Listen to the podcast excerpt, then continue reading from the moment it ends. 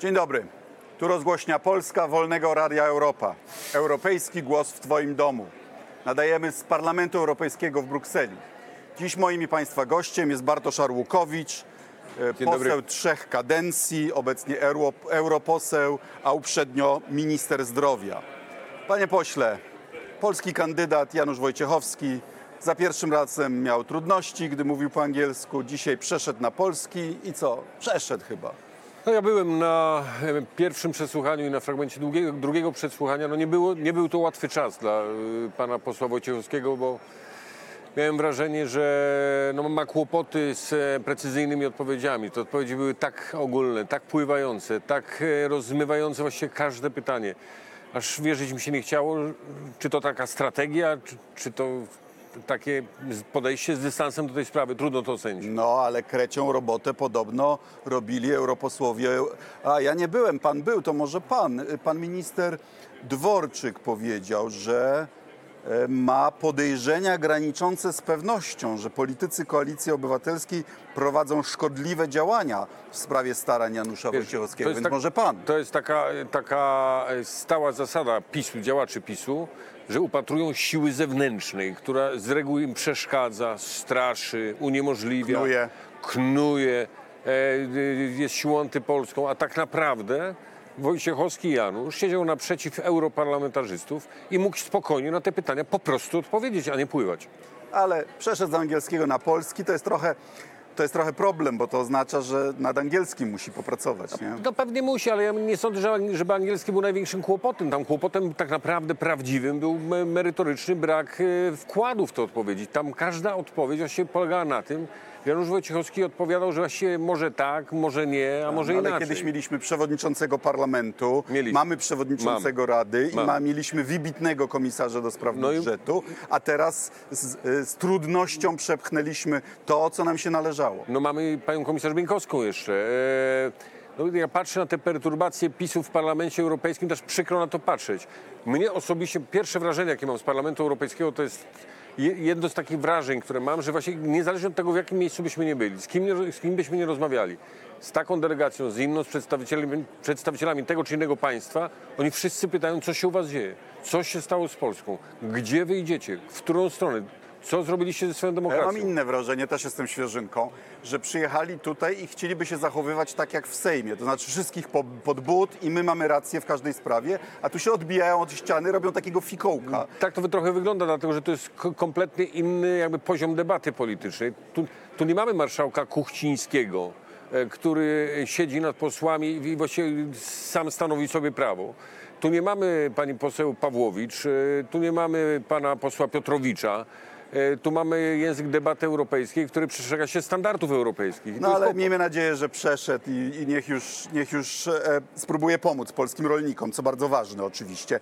Em, ale e, w międzyczasie dramatyczna sytuacja w polskiej służbie zdrowia. Panie e, ministrze, czytam, że zamknięto w ostatnich 20 miesiącach 357 oddziałów, a 300 zawiesiło działalność. Jakiś dramat, tak? Ile jest w ogóle oddziałów mamy, sytuację, mamy sytuację absolutnie dramatyczną, no bo to jest jeszcze jedna bardzo ważna informacja. Zlikwidowano także kilka tysięcy łóżek w szpitalach powiatowych.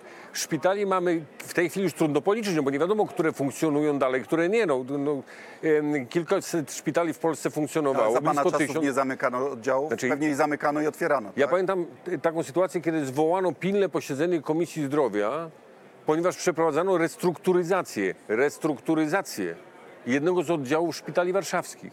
A tu mamy każdego dnia informacje o wyłączonych kolejnych Dobra, ale to nie są tylko państwowe szpitale, to są i państwowe, i prywatne.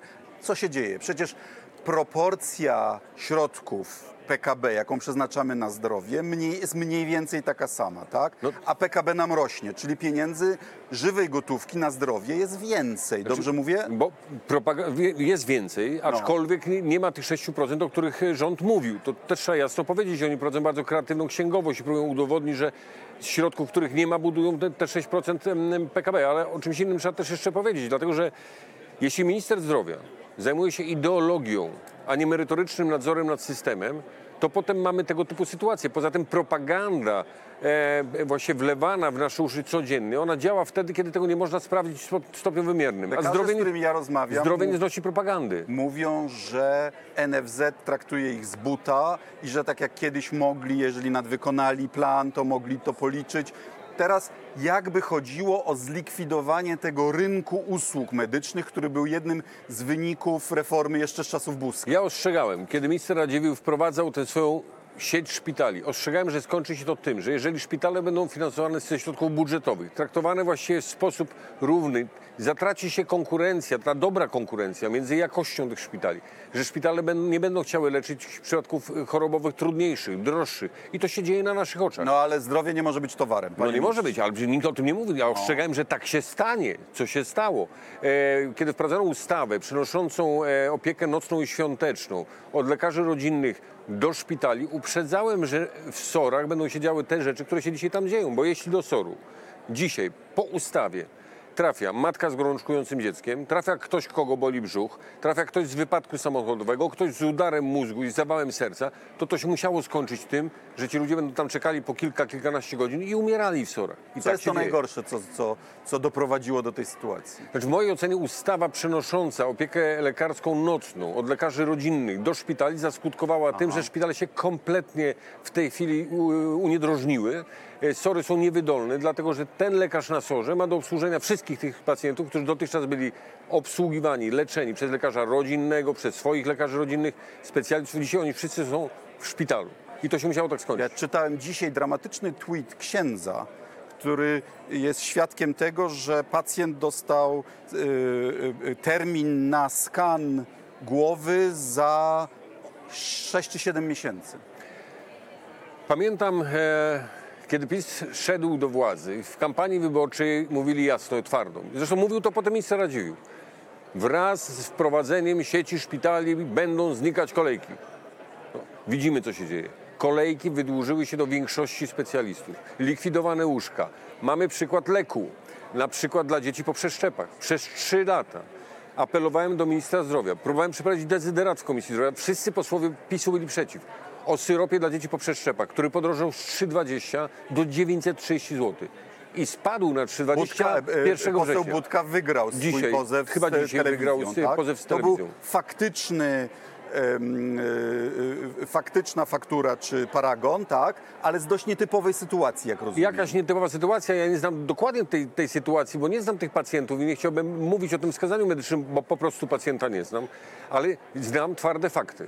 1 września obniżono cenę tego leku z kilkuset złotych do 3,20, co pokazuje, że można, że dało się. Można to było zrobić wcześniej. Jak dzisiaj minister zdrowia spojrzy w oczy pacjentom, którzy przez tyle lat czekali na tą obniżkę? My prowadziliśmy bardzo ciężkie negocjacje, dokładnie między innymi po to, żeby ten lek kosztował 3,20.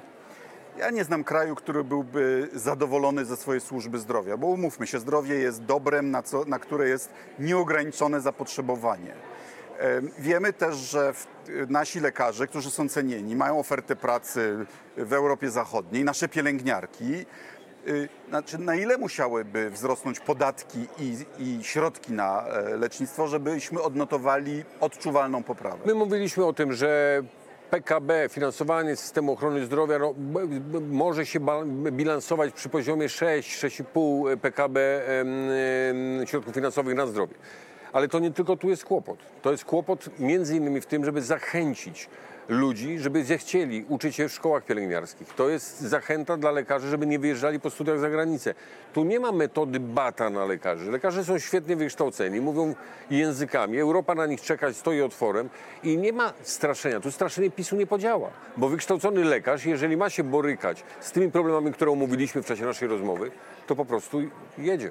No ale to jak to jest, że na niektóre Jedzie wydatki so- socjalne są dziesiątki miliardów, a na pielęgniarki czy nauczycieli nie ma? No, popatrzmy prościej. Jeżeli mamy miliony złotych na nagrody, jeżeli patrzymy na to wszystko, co się dzieje między innymi z telewizją publiczną. Ja pamiętam takie porównanie, często przedstawiałem, ile środków przeznacza się w Polsce, przeznaczało się w roku 2018, e, mówię z pamięci, ale chyba się nie pomylę, na chemioterapię. Przeznaczano miliard 300 milionów złotych. Ile przekazano środków Zdaje się, że finansowych? jesteśmy pierwsi w na- Europie w umieralności na, raka jelita. Ile przekazano na telewizję publiczną? no to już są miliardy. Miliard trzysta. E, Więc te dwie liczby się zestawiają.